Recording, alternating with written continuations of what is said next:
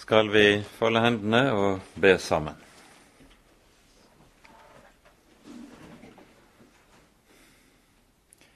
Kjære gode Herre og Hellige Far. Så takker og lover vi deg for all din nåde, for all din godhet og all din miskunnhet.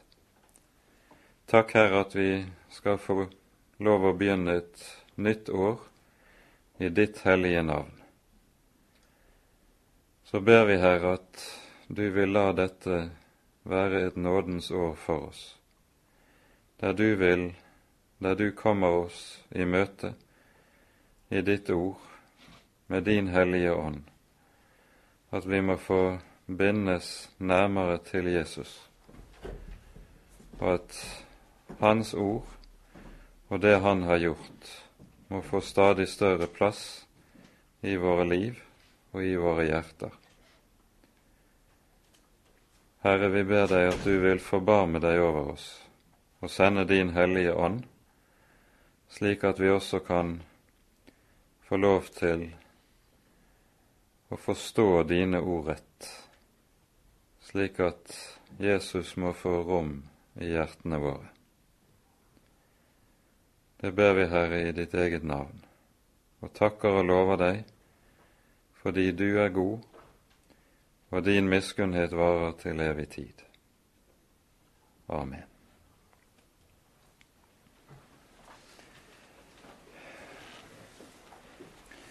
Som nevnt blir det da slik at vi bruker denne kvelden til å si en del innledningsvis om uh, dette brevet.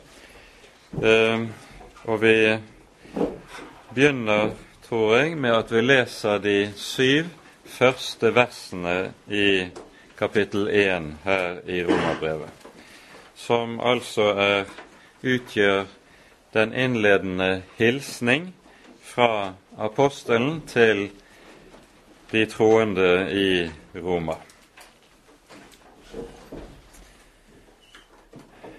Paulus, Jesu Kristi tjener, kalt til apostel, utkåret til å forkynne Guds evangelium, som han forutlovet ved sine profeter i hellige skrifter, om Hans Sønn, som etter kjødet er kommet av Davids ett, som etter Hellighetsånd er godtgjort å være Guds veldige sønn ved oppstandelsen fra de døde, Jesus Kristus vår Herre, ved hvem vi fikk nåde og apostelembete for å virke troens lydighet blant alle hedningefolkene til Hans navns ære, blant hvilke også dere er kalt til Jesus Kristus til alle Guds hellige, Guds elskede, kalte hellige som er i rom. Nåde være med dere, og fred fra Gud, vår Fader, og den Herre Jesus Kristus. Dette er altså den innledende hilsen her i Romerbrevet. Og det vi ser Paulus gjør når han skriver sine brev, det er at han benytter seg av det som var den alminnelige formen for brevskriving i samtiden, og der skikken var, slik som vi her leser, at en først presenterer seg selv, som vi hører i det første verset. En skriver altså hvem som er avsender av brevet. Og så kommer dernest gjerne eh, noen ord om adressaten med en kny hilsning knyttet til.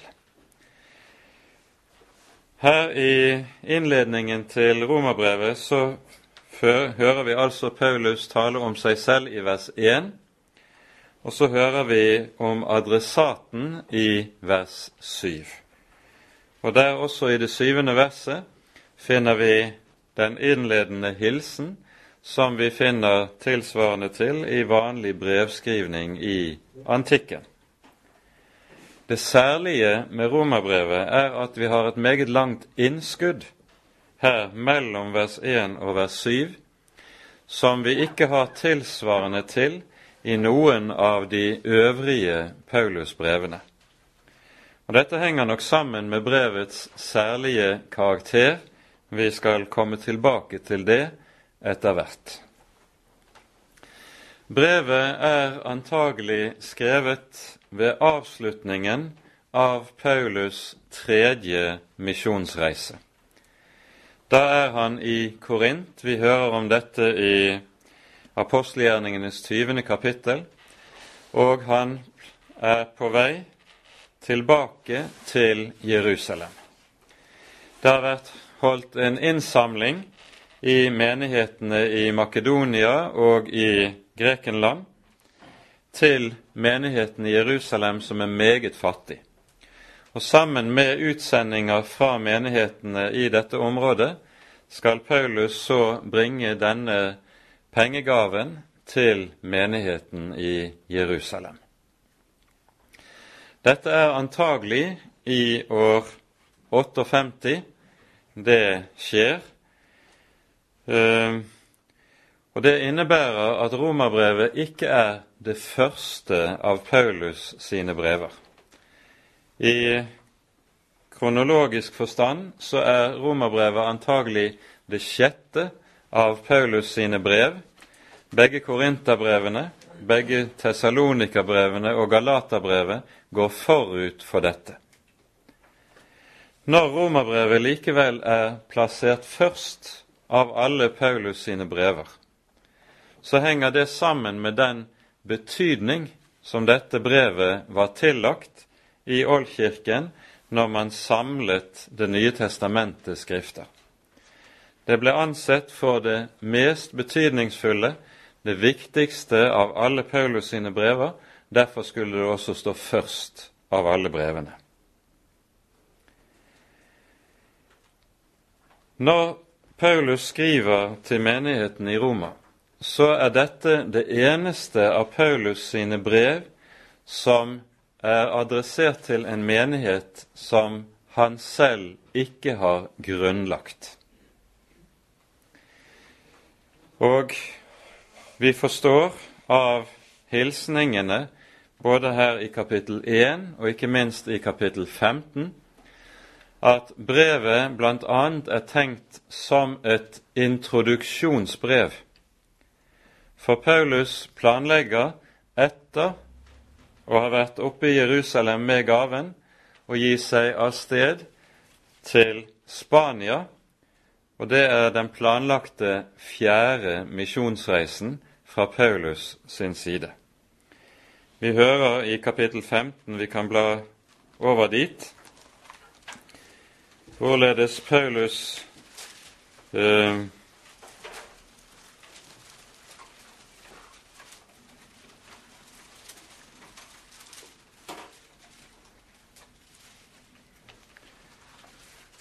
Paulus her skriver eh, om eh, sine videre planer. Fra vers 22 hører vi Derved især er jeg blitt hindret fra å komme til dere. Men nå, da jeg ikke lenger har rom i disse land, han tenker da på Grekenland og Lille-Asia, men i mange år hatt lengsel etter å komme til dere, håper jeg å få se dere på gjennomreisen når jeg drar til Spania, og få følge av dere dit når jeg først i noen monn har hatt godt av dere.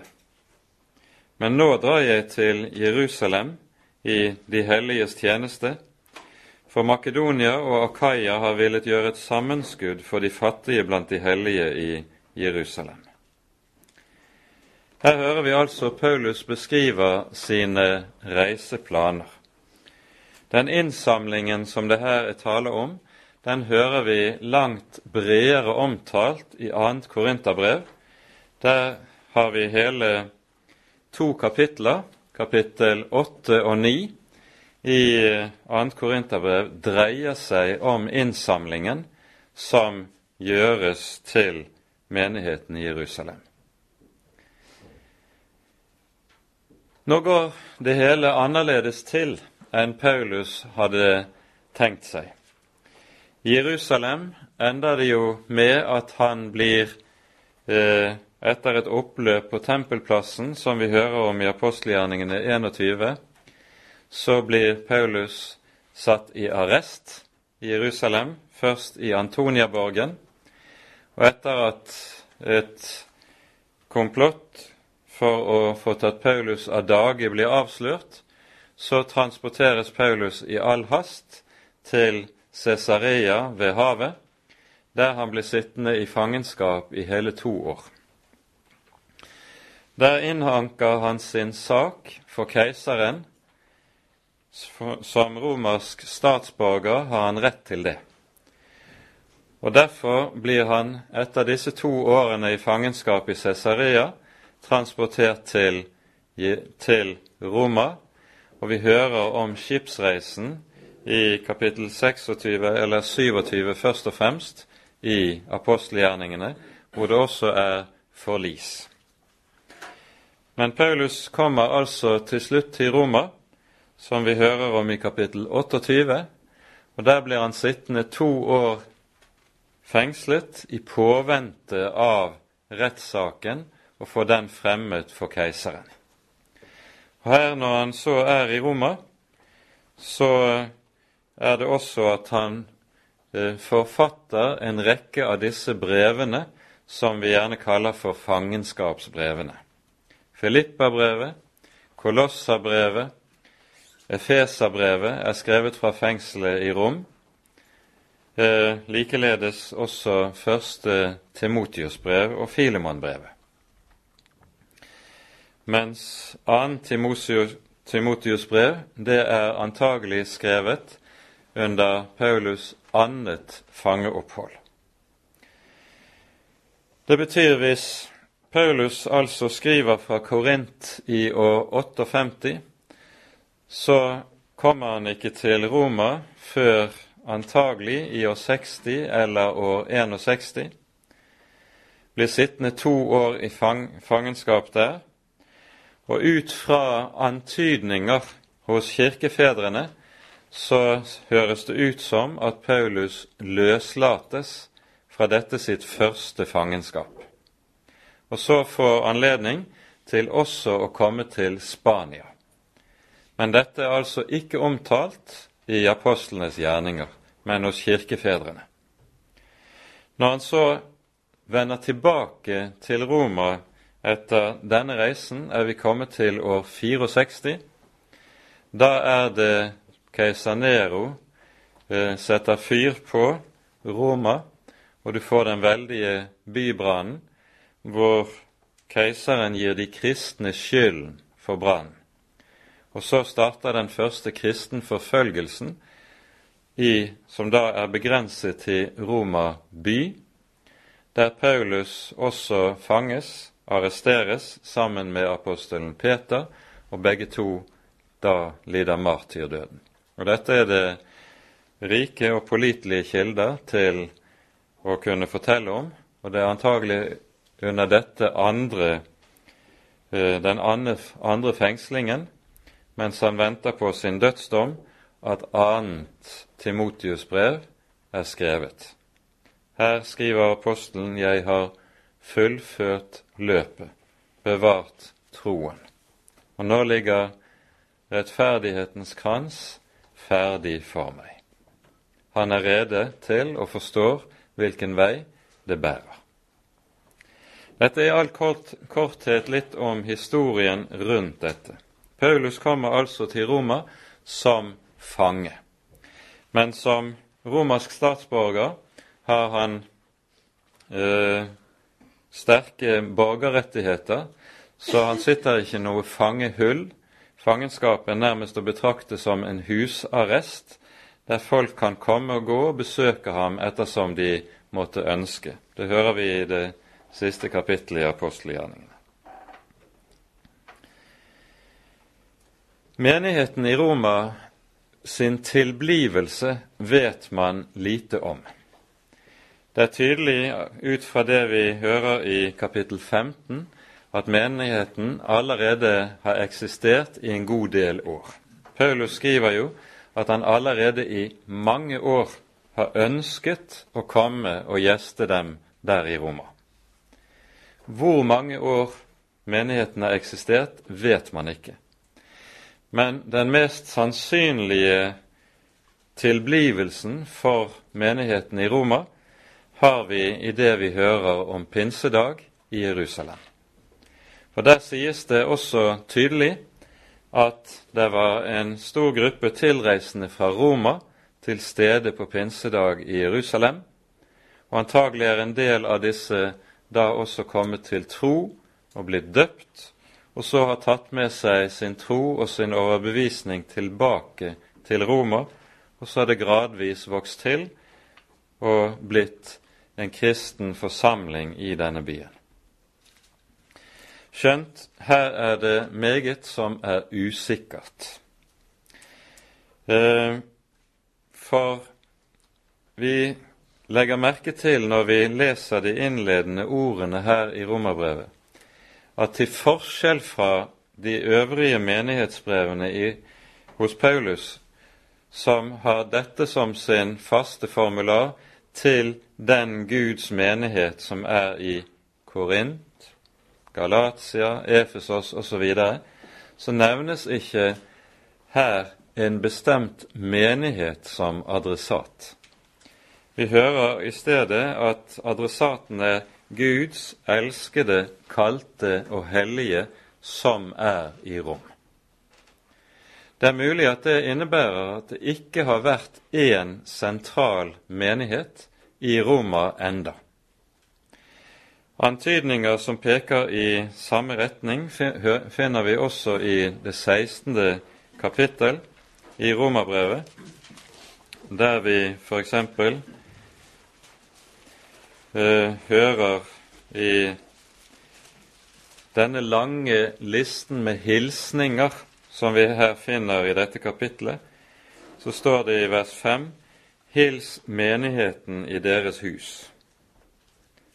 Det taler om Priska og Akvila, som er to av de aller nærmeste venner og medarbeidere av Paulus, som vi hørte om i kapittel eh, 18 i Apostlenes gjerninger.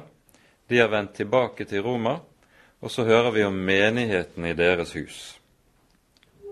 Og I kapittel 15 så står det, nei, i vers 15 her så står det Hils Filologos og Julia, Nereus og hans søster og Olympas og alle de hellige hos dem.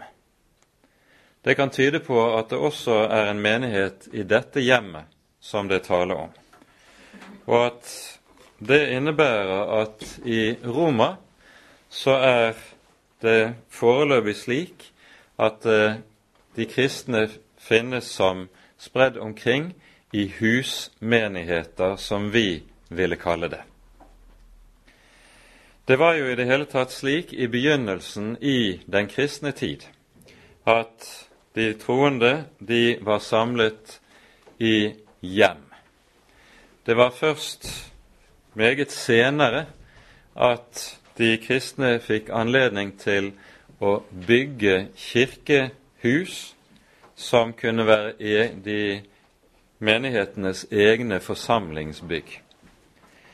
De kristne menighetene holdt gjerne til i private hjem, gjerne da hos folk som var godt bemidlet og derfor hadde råd til å ha store hus, og dermed også kunne huse mange når de samlet seg.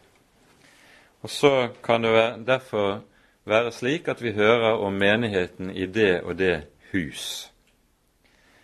Først på langt ute på 200-tallet ser vi at det bygges kirker, først i Midtøsten-området, men disse får jo aldri stå lenge i fred. På grunn av de stadige kristenforfølgelsene så enten konfiskeres de kirkene som er bygges, eller de rett og slett eh, raseres. Det er først etter at Konstantin er kommet til makten og kristendommen er tillatt religion i år 313, først da er det de kristne kan begynne å reise kirker og ha trygghet for at disse også får lov til å stå i fred. Vel, det er en parentes, men det er viktig for at vi kan vite litt om den konkrete settingen som det hele er skrevet inn i. Brevet er altså skrevet som et introduksjonsskriv, der Paulus både vil presentere seg selv og det budskap han forkynner for menigheten i Roma, og på det grunnlag kan det også være slik at de kan være ett i troen. Det er det som er avgjørende i denne sammenheng. Det er et annet viktig trekk som også må, vi må legge merke til ved brevets innledning her, og det er at romermenigheten den er antagelig forskjellig fra de fleste andre menigheter rundt omkring i Romerriket på denne tid, ved at disse i alt vesentlig ut, ble utgjort av jøder og hedninger i fellesskap. De første kristne menigheter de var primært jødisk kristne.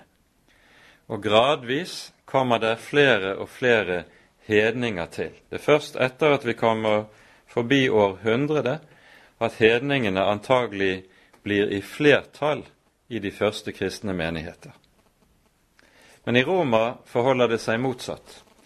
Her hører vi jo også det sies uttrykkelig i eh, vers, 6, eller vers 5 og 6 i innledningen til brevet at Paulus sammen med de øvrige apostlene satt til å virke troens lydighet blant hedningefolkene blant hvilke også dere er kalt til Kristus Jesus.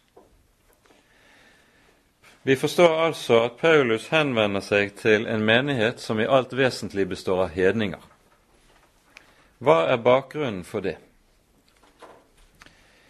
Bakgrunnen er først og fremst den at i år 49 så fordriver keiser Claudius et meget stort antall jøder fra Roma. Vi hører en 60 år senere at en romersk historiker som heter Svetonius, skriver om dette, at jødene hadde forårsaket en mengde slags uro og oppløp i byen av diskusjon om en viss Kristus. Og Vi forstår at dette er en forvanskning av navnet Kristus. Det har vært blant jødene og i synagogene har det tydeligvis vært så mye diskusjoner, og til dels ganske intense sådanne, om Herren Jesus, at dette førte til offentlig uro. Claudius vil ha slutt på dette, og så fordriver han jødene fra Roma. Og Derfor er det altså svært, svært få jødekristne tilbake i Roma. Priska og Akvilas, som vi hører om, eh, de hører med blant disse jødekristne som var fordrevet av Claudius. Det nevnes i apostelgjerningene 18 vers 2. Og Derfor hører vi også at når Paulus kommer til Roma, så er noe av det første han foretar seg mens han sitter der i husarrest, det at han kaller til seg lederne for synagogen. Vi leser om dette i slutten av apostelgjerningene kapittel 28. Vi hører fra vers 17. Da tre dager var gått, skjedde det at Paulus kalte sammen de første menn blant jødene der i byen. Og da de var kommet sammen, sa han til dem, Mine brødre, jeg, som ikke har gjort noe mot vårt folk eller våre fedres skikker, ble fra Jerusalem av overgitt som fange i romernes hender. Da de hadde forhørt meg, ville de la meg løs fordi det ikke var noen dødssak mot meg. Men da jødene satte seg imot det, ble jeg nødt til å innanke min sak for keiseren. Men ikke som om jeg hadde noe klagemål imot mitt eget folk. Av den årsak har jeg da bedt dere hit, for å få se dere og tale med dere, for det er for Israels håps skyld jeg bærer denne lenke. De sa da til ham, Verken har vi fått noe brev om deg fra Judea, heller ikke er det noen av brødrene som er kommet hit og har meldt eller sagt noe om deg. Men vi vil gjerne få høre om deg hva du mener. Det er tydelig på disse lederne av synagogen i Roma at de er meget ukjent med det kristne evangelium noe som understøtter nettopp det som vi har vært innom her, at menigheten i Roma består i alt vesentlig av hedninger, av hedningekristne.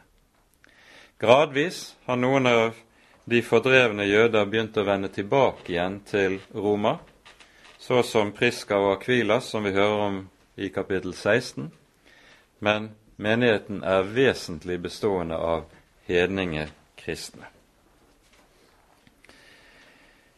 Kanskje vi også skal si noen ganske korte ord om Paulus som skriver dette brevet. Paulus er jo en av de skikkelser i Det nye testamentet som vi kjenner aller best. Både ut fra det, den omtalen som vi hører av, om ham i apostlenes gjerninger, hans virke, men også ut fra ting som han gir oss til beste i brevene sine. Kanskje vi her kan lese noen vers fra Filippabrevets tredje kapittel, der vi finner en viktig sammenfatning av noe av det som er apostelen sin bakgrunn.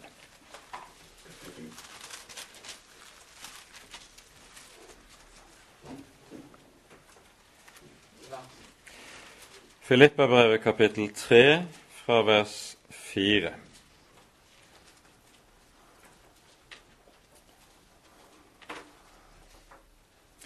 Jeg har det jeg kunne sette min lit til også i kjød. Om noen annen mener seg å kunne gjøre, sette sin lit til kjød, da kan jeg det enn mer. Jeg som er omskåret på den åttende dag, av Israels ett og Benjamins stamme, en hebreer av hebreere, og var for loven en fariseer, i nidkjærhet en forfølger av menigheten, i rettferdighet etter loven ulastelig. Her beskriver apostelen sin åndelige bakgrunn. Vi vet jo ellers at Paulus var født i Tarsus og vokst opp der.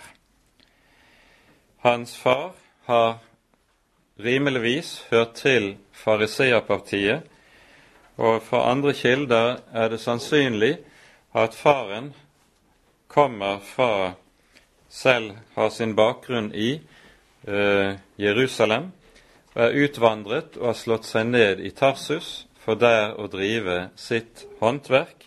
Han var også teltmaker. Paulus er opplært i sin fars håndverk og er også da teltmaker. Han er fariseer av fariseere. Vil si at han er oppdratt i et fromt fariseisk hjem. Det innebærer at Paulus allerede meget tidlig begynner å lære de hellige skrifter å kjenne. Allerede i treårsalderen vil foreldrene ha begynt å lære den lille gutten sentrale bibelord som skulle kunnes utenat. Noe av det første som de lærer, det er jo trosbekjennelsen i 5. Mosebok 6. kapittel. Hør Israel, Herren vår Gud, Herren er én. Og du skal elske Herren din Gud av alt ditt hjerte, av all din sjel, av all din kraft og av all din forstand. Og fra femårsalderen ville han begynne å lære å lese, og da lære å lese Mosebøkene. Da ville livet allerede for ham være omkranset av Guds ord. Med foreldre som er fromme fariseere, så ville de overholde bønnetidene meget nøye. Det vil si morgen, middag og aften ville salmene, Davids salmer, bli bedt etter en fast ordning som var den gang.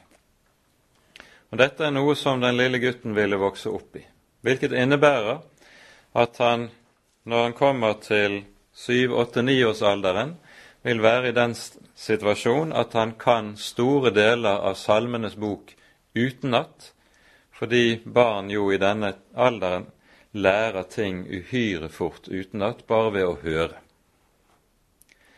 Det samme vil også gjelde forholdet til Mosebøkene.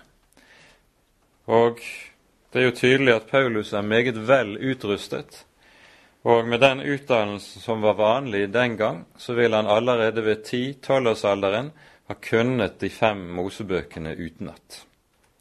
Det vil være ganske alminnelig i den slags hjem. Når han så kommer til den jødiske konfirmasjonen, som var ved 13-årsalderen bar mitzvah, så vil han også ha begynt å trenge inn i det som kalles for fedrene lærdommer. Det som var den rabbinske undervisningen og fortolkningen og forståelsen av loven, samtidig som han videre ville arbeide med Skriftene. Og antagelig ville det være slik at faren ønsket å gi sin sønn en høyere utdannelse. Derfor ville han sende sønnen sin til Jerusalem allerede når han var en 15-16 år gammel. Og Da kom han til å gå i skole hos Gamaliel. Paulus satt ved Gamaliels føtter, sier han selv i en av de talene sine når han forhøres, som vi hører det i apostlenes gjerninger. Han satt ved Gamaliels føtter.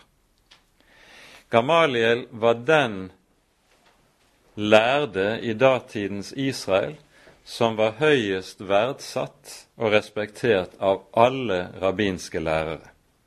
Og Det sies om ham at da han døde, så døde alt som var godt, alt som var rent, alt som var hellig i Israel. Så høyt var han ansett av det jødiske folk. Det er altså hos ham Paulus har gått i lære og fått sin utdannelse som rabbiner. Paulus er ferdig utdannet rabbiner.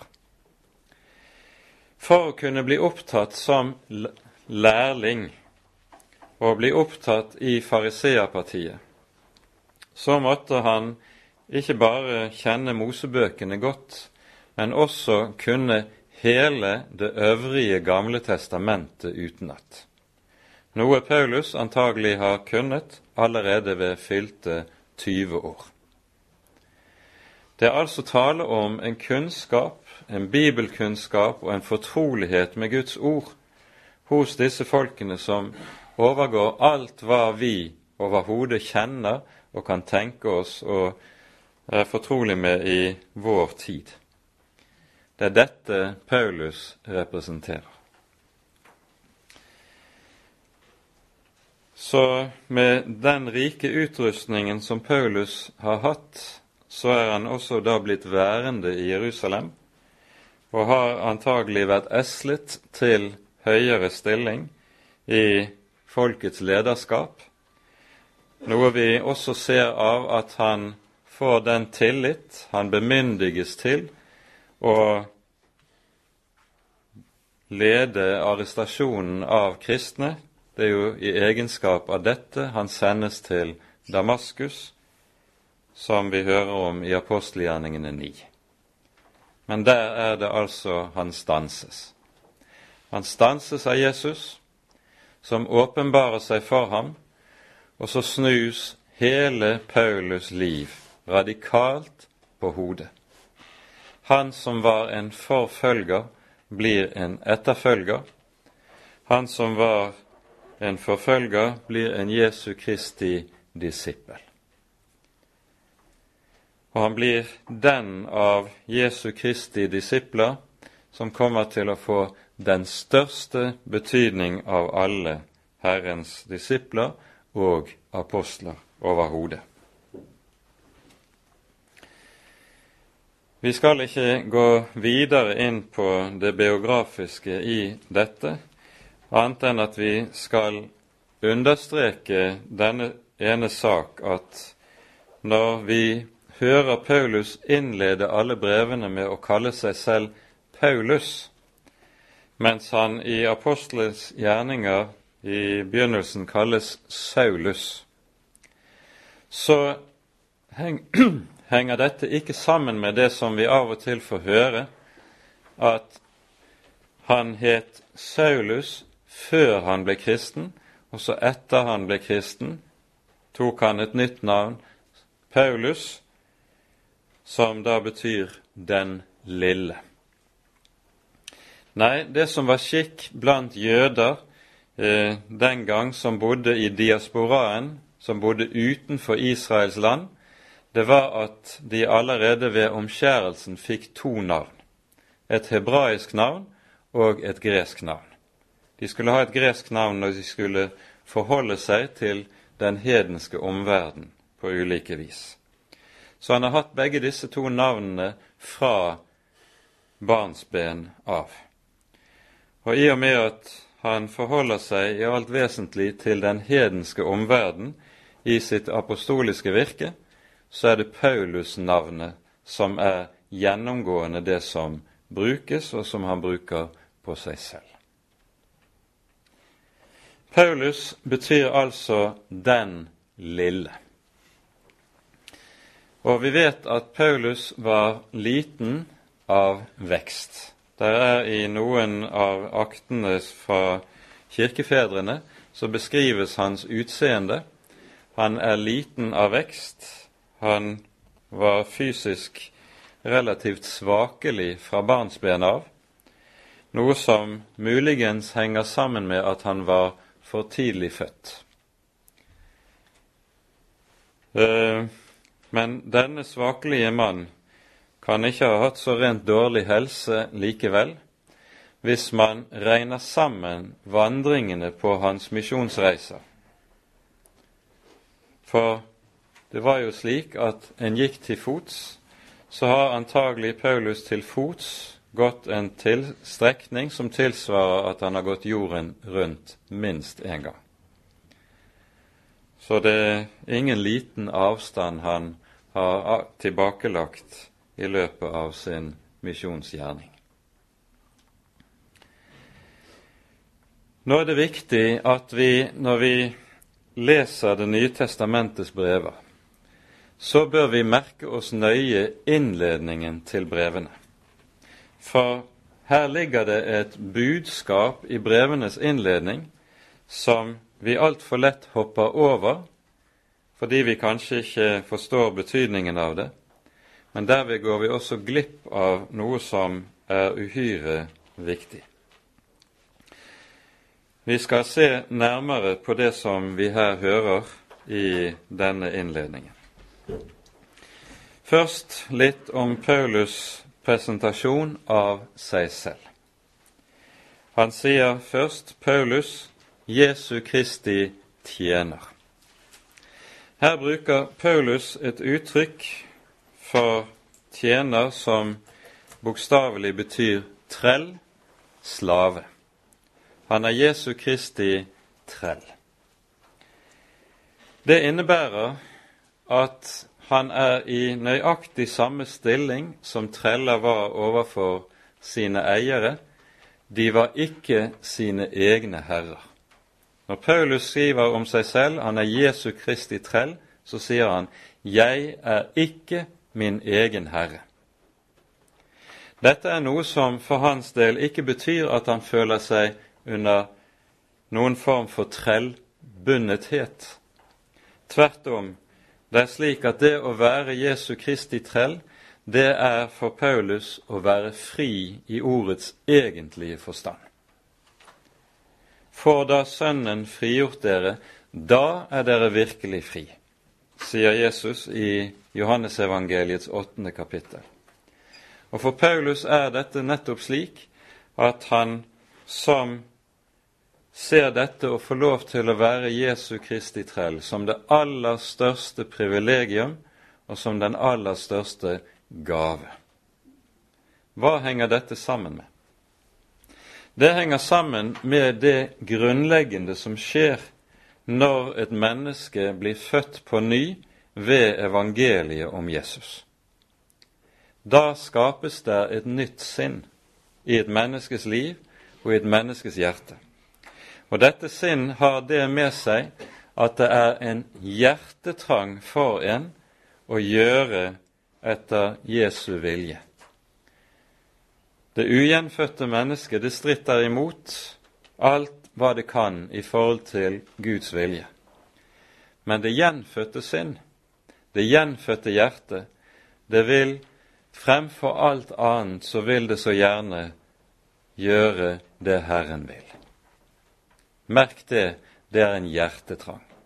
Og Derfor er det slik at det gjenfødte hjertet først kjenner seg riktig fri når det får lov til å leve i og gjøre Herrens vilje, mens når det handler imot Hans vilje, så blir det ufri, så blir det bundet. Slik er det med det nye mennesket. Og Dette er viktig å merke seg, for her har vi en grunnsannhet i Guds ord. Dernest så sier han at han er en kalt apostel. Og i grunnteksten er det veldig ettertrykk på ordet 'kalt'. I Galaterbrevets innledning så sier Paulus om seg selv at han er kalt ikke av noe menneske eller ved noe menneske.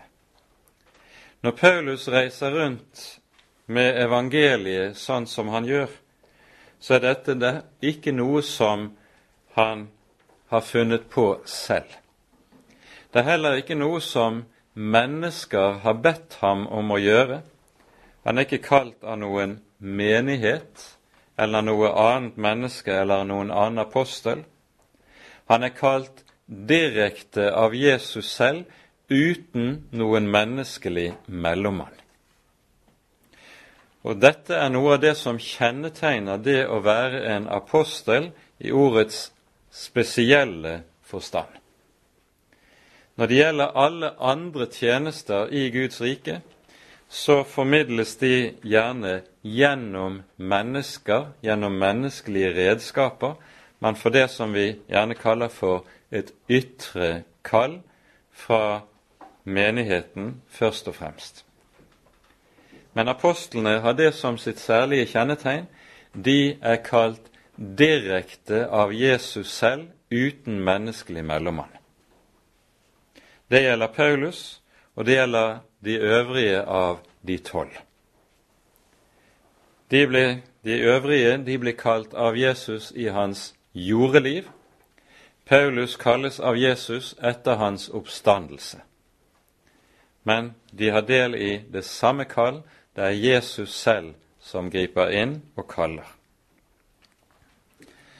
Hva innebærer nå det å være apostel?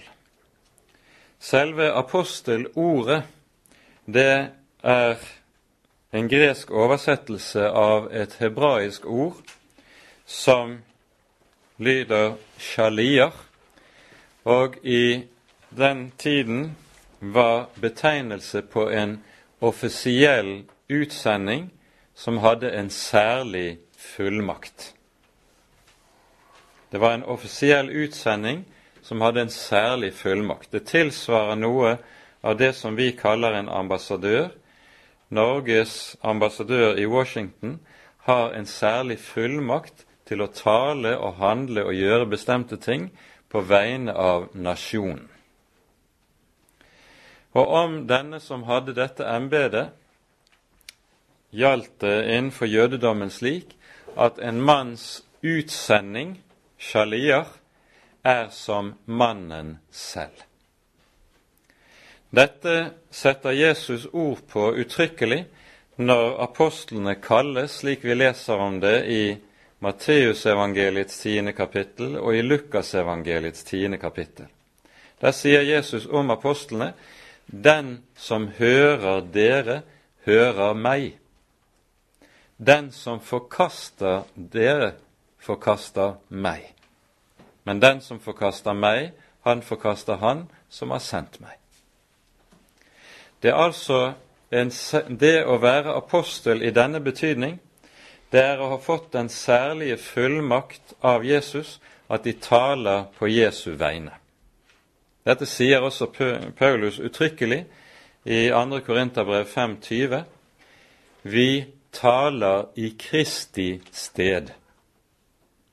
På Kristi vegne formaner vi dere, la dere forlike med Gud. Det er dette som er fullmakten som hører apostelen til. Og Det innebærer altså at det å høre apostelens budskap, det er å høre Jesu røst gjennom ham. Det betyr helt konkret at det å lese Paulus ord, det er å lese Jesu ord til oss. Paulus skriver som apostel på bemyndigelse av Herren Jesus selv. Det er ikke noe han selv har funnet på, men det er under Kristi ledelse og på Kristi vegne. Og Derfor er det også slik at apostlenes brever de er oppfyllelsen av det løftet Jesus gir til sine troende før hans død og oppstandelse. Han lover nemlig at når han er borte, så skal han sende talsmannen. Og talsmannen, hva skal han gjøre? Han skal lære dere og minne dere om alle ting. For dere kan enda ikke tåle alt, jeg har enda meget å si dere, sier Jesus, men dere kan enda ikke tåle alt. Men når Han kommer, talsmannen, da skal Han lære dere og minne dere om alle ting. Og så er det altså Den hellige ånd som taler gjennom apostlene og formidler Kristi ord til dem, og så oppfyller Jesus dette løftet om at vi skal lære alt som vi trenger på denne måten. Dette innebærer helt konkret at det å være en kristen, det å være en kristen menighet, det er å bygge på apostlenes grunnvoll. Og Dette er formulert i trosbekjennelsen slik, den nikenske trosbekjennelsen vi tror på én hellig, allmenn og apostolisk kirke. At Kirken er apostolisk, det betyr at den bygger på apostlenes budskap. Og hvis en kirke ikke er apostolisk i sin lære, i sin bekjennelse, i sitt liv, så er den ingen sann kristen kirke. Altså, dette kaller vi for Kirkens apostolisitet. Det er formulert i Efeserbrevet i det andre kapittel vers 20 dere er bygget opp på apostlenes og profetenes grunnvoll. Den kristne menighet er like som et hus som hviler på denne grunnvoll. Og Dette er en grunnvoll som ikke er av sand, det er en grunnvoll som er klippegrunn. Og Derfor har også den menighet og den kirke som står på denne grunnvoll, Kristi ord og løfte fra Matteus 16 hos seg. Dødsrikets porter skal ikke få makt over den. Men den kirke som forlater denne grunnvoll, har ingen slike løfter. Det er også viktig å merke seg. For det tredje hører vi at Paulus sier, som vi her hører, utkåret til å forkynne Guds evangelium. Bokstavelig står det her i grunnteksten 'utkåret eller satt til side' med henblikk på Guds evangelium. I dette skal vi merke oss et par viktige saker til. For det første så ser da Paulus på saken slik at det er ikke han som eier evangeliet, men det er evangeliet som eier ham. Han står i alle ting til evangeliets disposisjon. Han er utskilt av Gud med tanke på det at han skal tilhøre evangeliet. Alt i livet hans skal være innordnet i evangeliet. For det andre så hører vi at det her sies at han skal forkynne Guds evangelium. Og I dette ligger det to viktige saker. For det første kan denne genitiven som her er, eh, bety det vi kaller for en opphavsgenitiv. Det vil si, dette evangelium som Paulus forkynner, det er noe som er gitt, det er åpenbart av Gud, ikke av noe menneske. Dette sier jo Paulus meget uttrykkelig også i Galaterbrevets innledning, i Galaterne 1,11. Så sier han, Jeg kunngjør dere, brødre, at det evangelium som er forkynt av meg, ikke er menneskeverk, men det er kunngjort meg ved åpenbaring. Og i 1. Korinterbrev kapittel 2 så sier han om evangeliet at det er et budskap som ikke er oppkommet i noe menneskes hjerte, noe menneskes tanke. Det er hva øyet ikke har sett, øret ikke har hørt. Det er nemlig noe som er åpenbart, det kommer fra Guds, Gud selv og fra Guds egen verden. Det har Gud som opphav, ikke mennesker. Evangeliet er ikke noe som kloke hoder har satt seg ned for å tenke ut hvordan Gud muligens måtte være og opptre hvis han skulle frelse mennesker. Nei, det er Guds eget budskap om Guds egen gjerning. Det er viktig. For det andre så kan dette, denne genitiven være å forstå som en eiendomsgenitiv. Og det er noe som vi ikke minst i våre dager skal notere oss ganske grundig. Evangeliet er Guds eiendom. Det er ikke vår eiendom, og derfor kan ikke vi innrette oss i forhold til evangeliet etter forgodtbefinnende. Det som er vårt forhold til evangeliet, og her gjelder det alle som er satt til å forkynne dette budskap, uavhengig av hvordan og på hvilken plass, de er forvaltere over en annens eiendom. Og forvalter jeg en annens eiendom, så har jeg ikke lov til å gjøre med det etter forgodtbefinnende. Troskap består da å gjøre med dette slik som eieren har sagt det. Når vi derfor hører prester, biskoper og forkynnere tukle med Guds ord i våre dager, så gjør de noe som er dypt, dypt umoralsk. De tukler med en annens eiendom. Det er som om en skulle komme inn i garasjen din fordi han ikke likte fargen på bilen din, og så tar han frem en sprøytemaling og så begynner han å lakkere bilen din på nytt, uten din godkjennelse. Bilen er jo din. Hvilken rett gjør et annet menneske slik? Men slik opptrer mennesker i forhold til evangeliet, for de tenker dette er noe som er vårt, og som vi kan gjøre med som vi synes. Nei. Evangeliet er Guds. Og Derfor har vi ikke lov til å tukle med det. Det som er gitt oss, skal vi i stedet ta vare på slik det er overgitt. Dernest kommer det i vers 2 en kort omtale av dette evangeliet som understreker at det budskapet som er gitt oss i evangeliet, det er ikke noe nytt. Kristendommen oppsto ikke med Det nye testamentets skrifter. Jesus var ingen religionsstifter, slik som han ofte fremstilles i religionshistoriske lærebøker. Hva er Jesus? Han er en frelser som kommer inn i verden for å oppfylle løftet Gud har gitt like fra begynnelsen av. Og Paulus understreker altså dette at evangeliet som han forkynner, det er ikke noe nytt. Det er gitt i hellige skrifter fra begynnelsen av.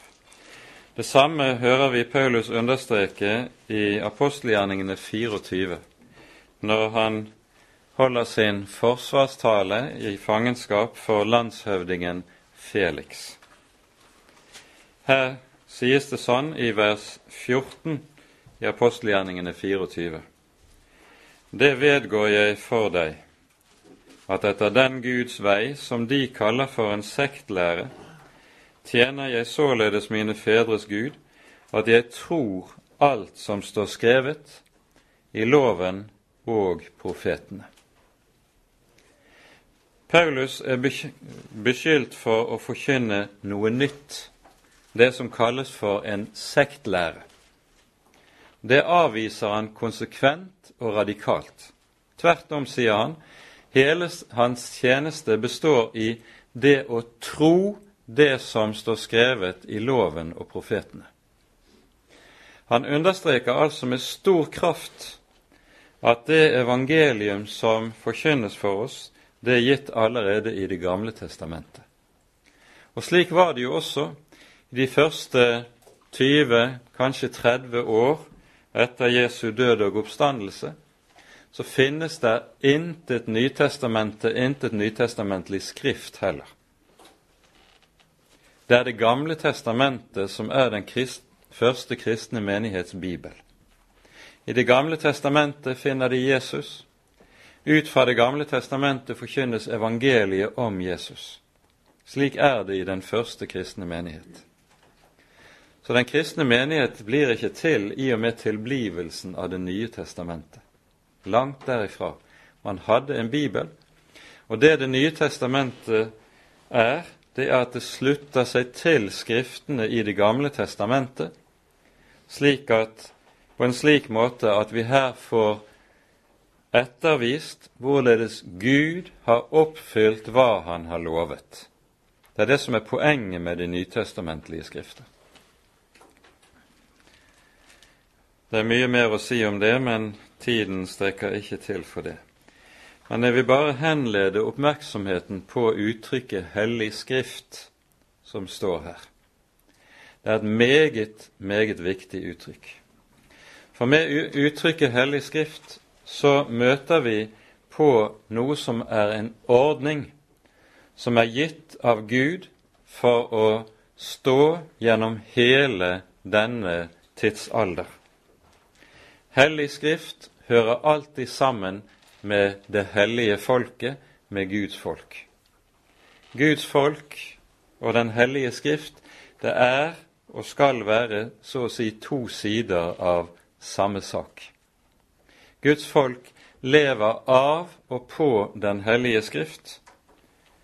Det er den grunnvoll som de lever av og på, og hele deres eksistensberettigelse som i det de er satt til å være lys i verden, den hviler i det at de også holder frem Den hellige skrift for menneskene. Vi hører Paulus omtaler Den hellige skrift i på en særlig måte i andre Timotius brev, i det tredje kapittelet. I 2. Timotius kapittel 3 leser vi sånn fra vers 14 av.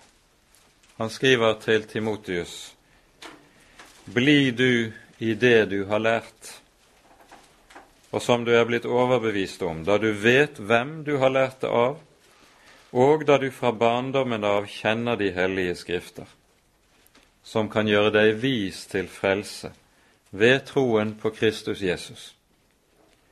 Den hele Skrift er innblest av Gud. Den er innåndet av Gud, står det bokstavelig, og nyttig til lærdom, overbevisning, rettledning, opptuktelse i rettferdighet, for at det Guds menneske kan være fullkomment, dugelig til all god gjerning. Hva er det som gjør noe til Hellig Skrift? Det er at de ordene som der står, er innåndet av Gud, dvs. Si inspirert av Den hellige ånd, slik at det er Gud selv som er det talende subjekt i denne skrift. Det å høre ordene i Skriften er å høre Gud selv. Det er det grunnleggende i dette. Og så har Gud altså innrettet dette slik at det er gjennom Den hellige Skrift vi møter ham, lærer ham å kjenne, for alt vi trenger til liv og salighet og frelse. Det er gitt oss i Skriften. Og Derfor skal dette markeres i den kristne menighet også, at Den hellige skrift æres i menighetens forsamling.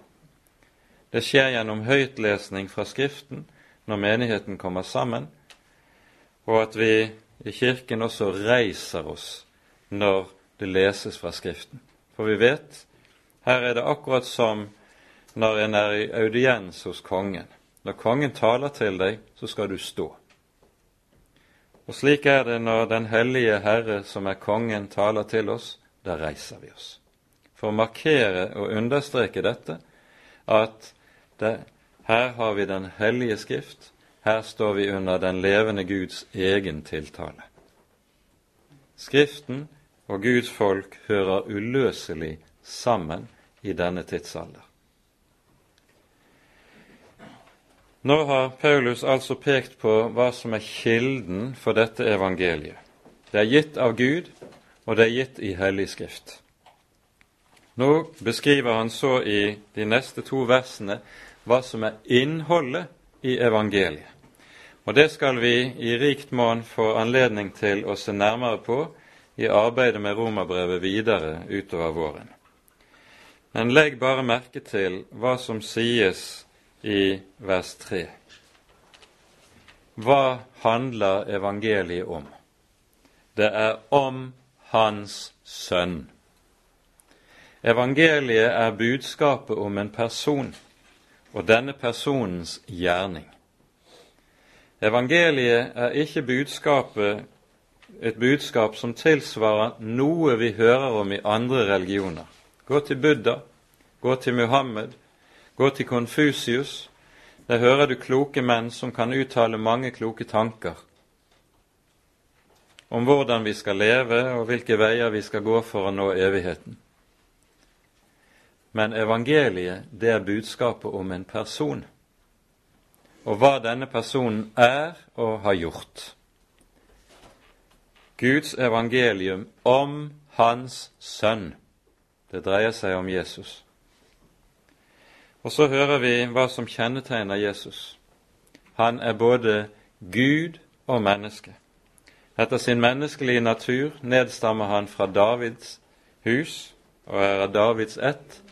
Slik løftet sier det i Det gamle testamentet. Vi var igjennom dette når vi gikk igjennom 2. Samuels bok. I 2. Samuel 7 hører vi Herrens løfte til David om at i hans hus skal Frelseren en dag fødes, han som skal kalles Guds sønn. Og så hører vi at han etter Hellighetsånd er godtgjort å være Guds sønn i velde, ved oppstandelsen fra de døde. Og Her bemerker vi bare ganske kort det at oppstandelsen spiller den rolle for troen at den er Guds stadfestelse av sannheten i evangeliet, og derfor er det helt avgjørende at oppstandelsen er et, en historisk begivenhet som er bevitnet av øyenvitner. Det nye testamentet legger den største vekt på øyenvitnene i denne sammenheng, for nettopp å understreke dette er et historisk faktum. At Jesus lever, det betyr noe helt konkret. Han er reist opp av graven i legemlig forstand. Graven er tom. Og Dette betyr noe helt annet enn om man vil si at f.eks. Martin Luther King lever. Når man sier noe sånt, så kan man si at hans ånd, hans tanker, lever videre iblant oss, men fysisk er han død. Slik er det ikke med Jesus. Jesus er oppstanden fra de døde. Han ligger ikke i graven. Han sitter tvert om ved Guds høyre hånd og er en levende frelser. Og Denne oppstandelsen er altså Guds egen godtgjørelse av at Jesus ikke for med tomme ord. For det å reise noen opp fra de døde er jo umulig. Og det, Nettopp derfor er dette et Guds seil, det at det er Gud alene som gjør det som er umulig. Vel, vi rekker ikke å gå mer inn på det i dag, men ganske kort noen ord om de siste versene her i innledningen. Ved ham, ved Jesus, sier Paulus, fikk vi nåde og apostelembete for å virke troens lydighet blant alle hedningefolk til hans ære. Når Paulus her sier at vi, så sikter han jo til seg selv og de øvrige apostlene. Han taler om apostlene som et fellesskap som har fått samme nåde og oppdrag. Men vi legger merke til at han knytter ordet nåde sammen med det apostoliske oppdrag. Og Her ser vi noe som er uhyre betydningsfullt, og som vi møter igjen i kapittel 12, når Paulus taler om nådegavene i menigheten. Det er nemlig slik at nådegavene som Paulus taler om dem, de er nådevirkninger i kristne menneskers liv. Det vil si at nådegaver de vil gis til mennesker i den utstrekning de får lys i Guds nåde, nemlig i evangeliet. Og i samme utstrekning som evangeliet åpenbares for et menneske, så vil det også dyktiggjøres i tjenesten for Herren. Alt står og faller med at nåden i evangeliet blir åpenbart for den enkelte. Her duger det ikke med menneskelig iver, med menneskelig påfunn. Det er kraftløst. Det er noe helt annet som skal til. Paulus taler om dette i første Korinterbrev, og kanskje vi bare kort kan henlede oppmerksomheten på det. I kapittel to taler Paulus om hvorledes han kom og forkynte med for menigheten i Korint. Han sier, Og jeg, da jeg kom til dere brødre, kom jeg ikke med mesterskap i tale eller visdom og forkynte dere Guds vitnesbyrd. For jeg ville ikke vite av noe blant dere uten Jesus Kristus og ham korsfestet. Og jeg var hos dere i skrøpelighet i frykt og i megen beven. Og min tale og min forkynnelse var ikke med visdoms overtalende ord, men med ånds og krafts bevis, for at deres tro ikke skulle være grunnet på menneskers visdom, men på Guds kraft. Merk dette. Menneskelig kløkt og dyktighet når det handler om utbredelsen av evangeliet, det fører meget lett til at en ender opp med dette. En kan godt skape en slags tro, men det er slik tro som er grunnet på menneskers visdom. Det duger ikke når det kommer til stykket. Det er tale om noe annet som åpenbares i evangeliet.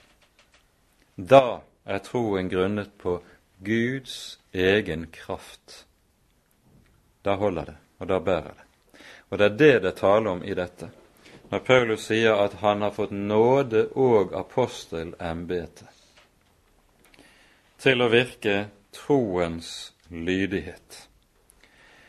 Dette uttrykket vil vi også komme nærmere inn på senere hen, men vi må bare gjøre klart at dette uttrykket betyr den lydighet som består i å tro. Troens lydighet betyr ikke den lydighet som en troende viser overfor Gud i praktisk liv. Nei, uttrykket troens lydighet betyr altså den lydighet som består i tro. Troen på evangeliet er den grunnleggende lydighet overfor Gud. Ved troen på evangeliet er det det første bud oppfylles i et menneskes liv og i et menneskes hjerte.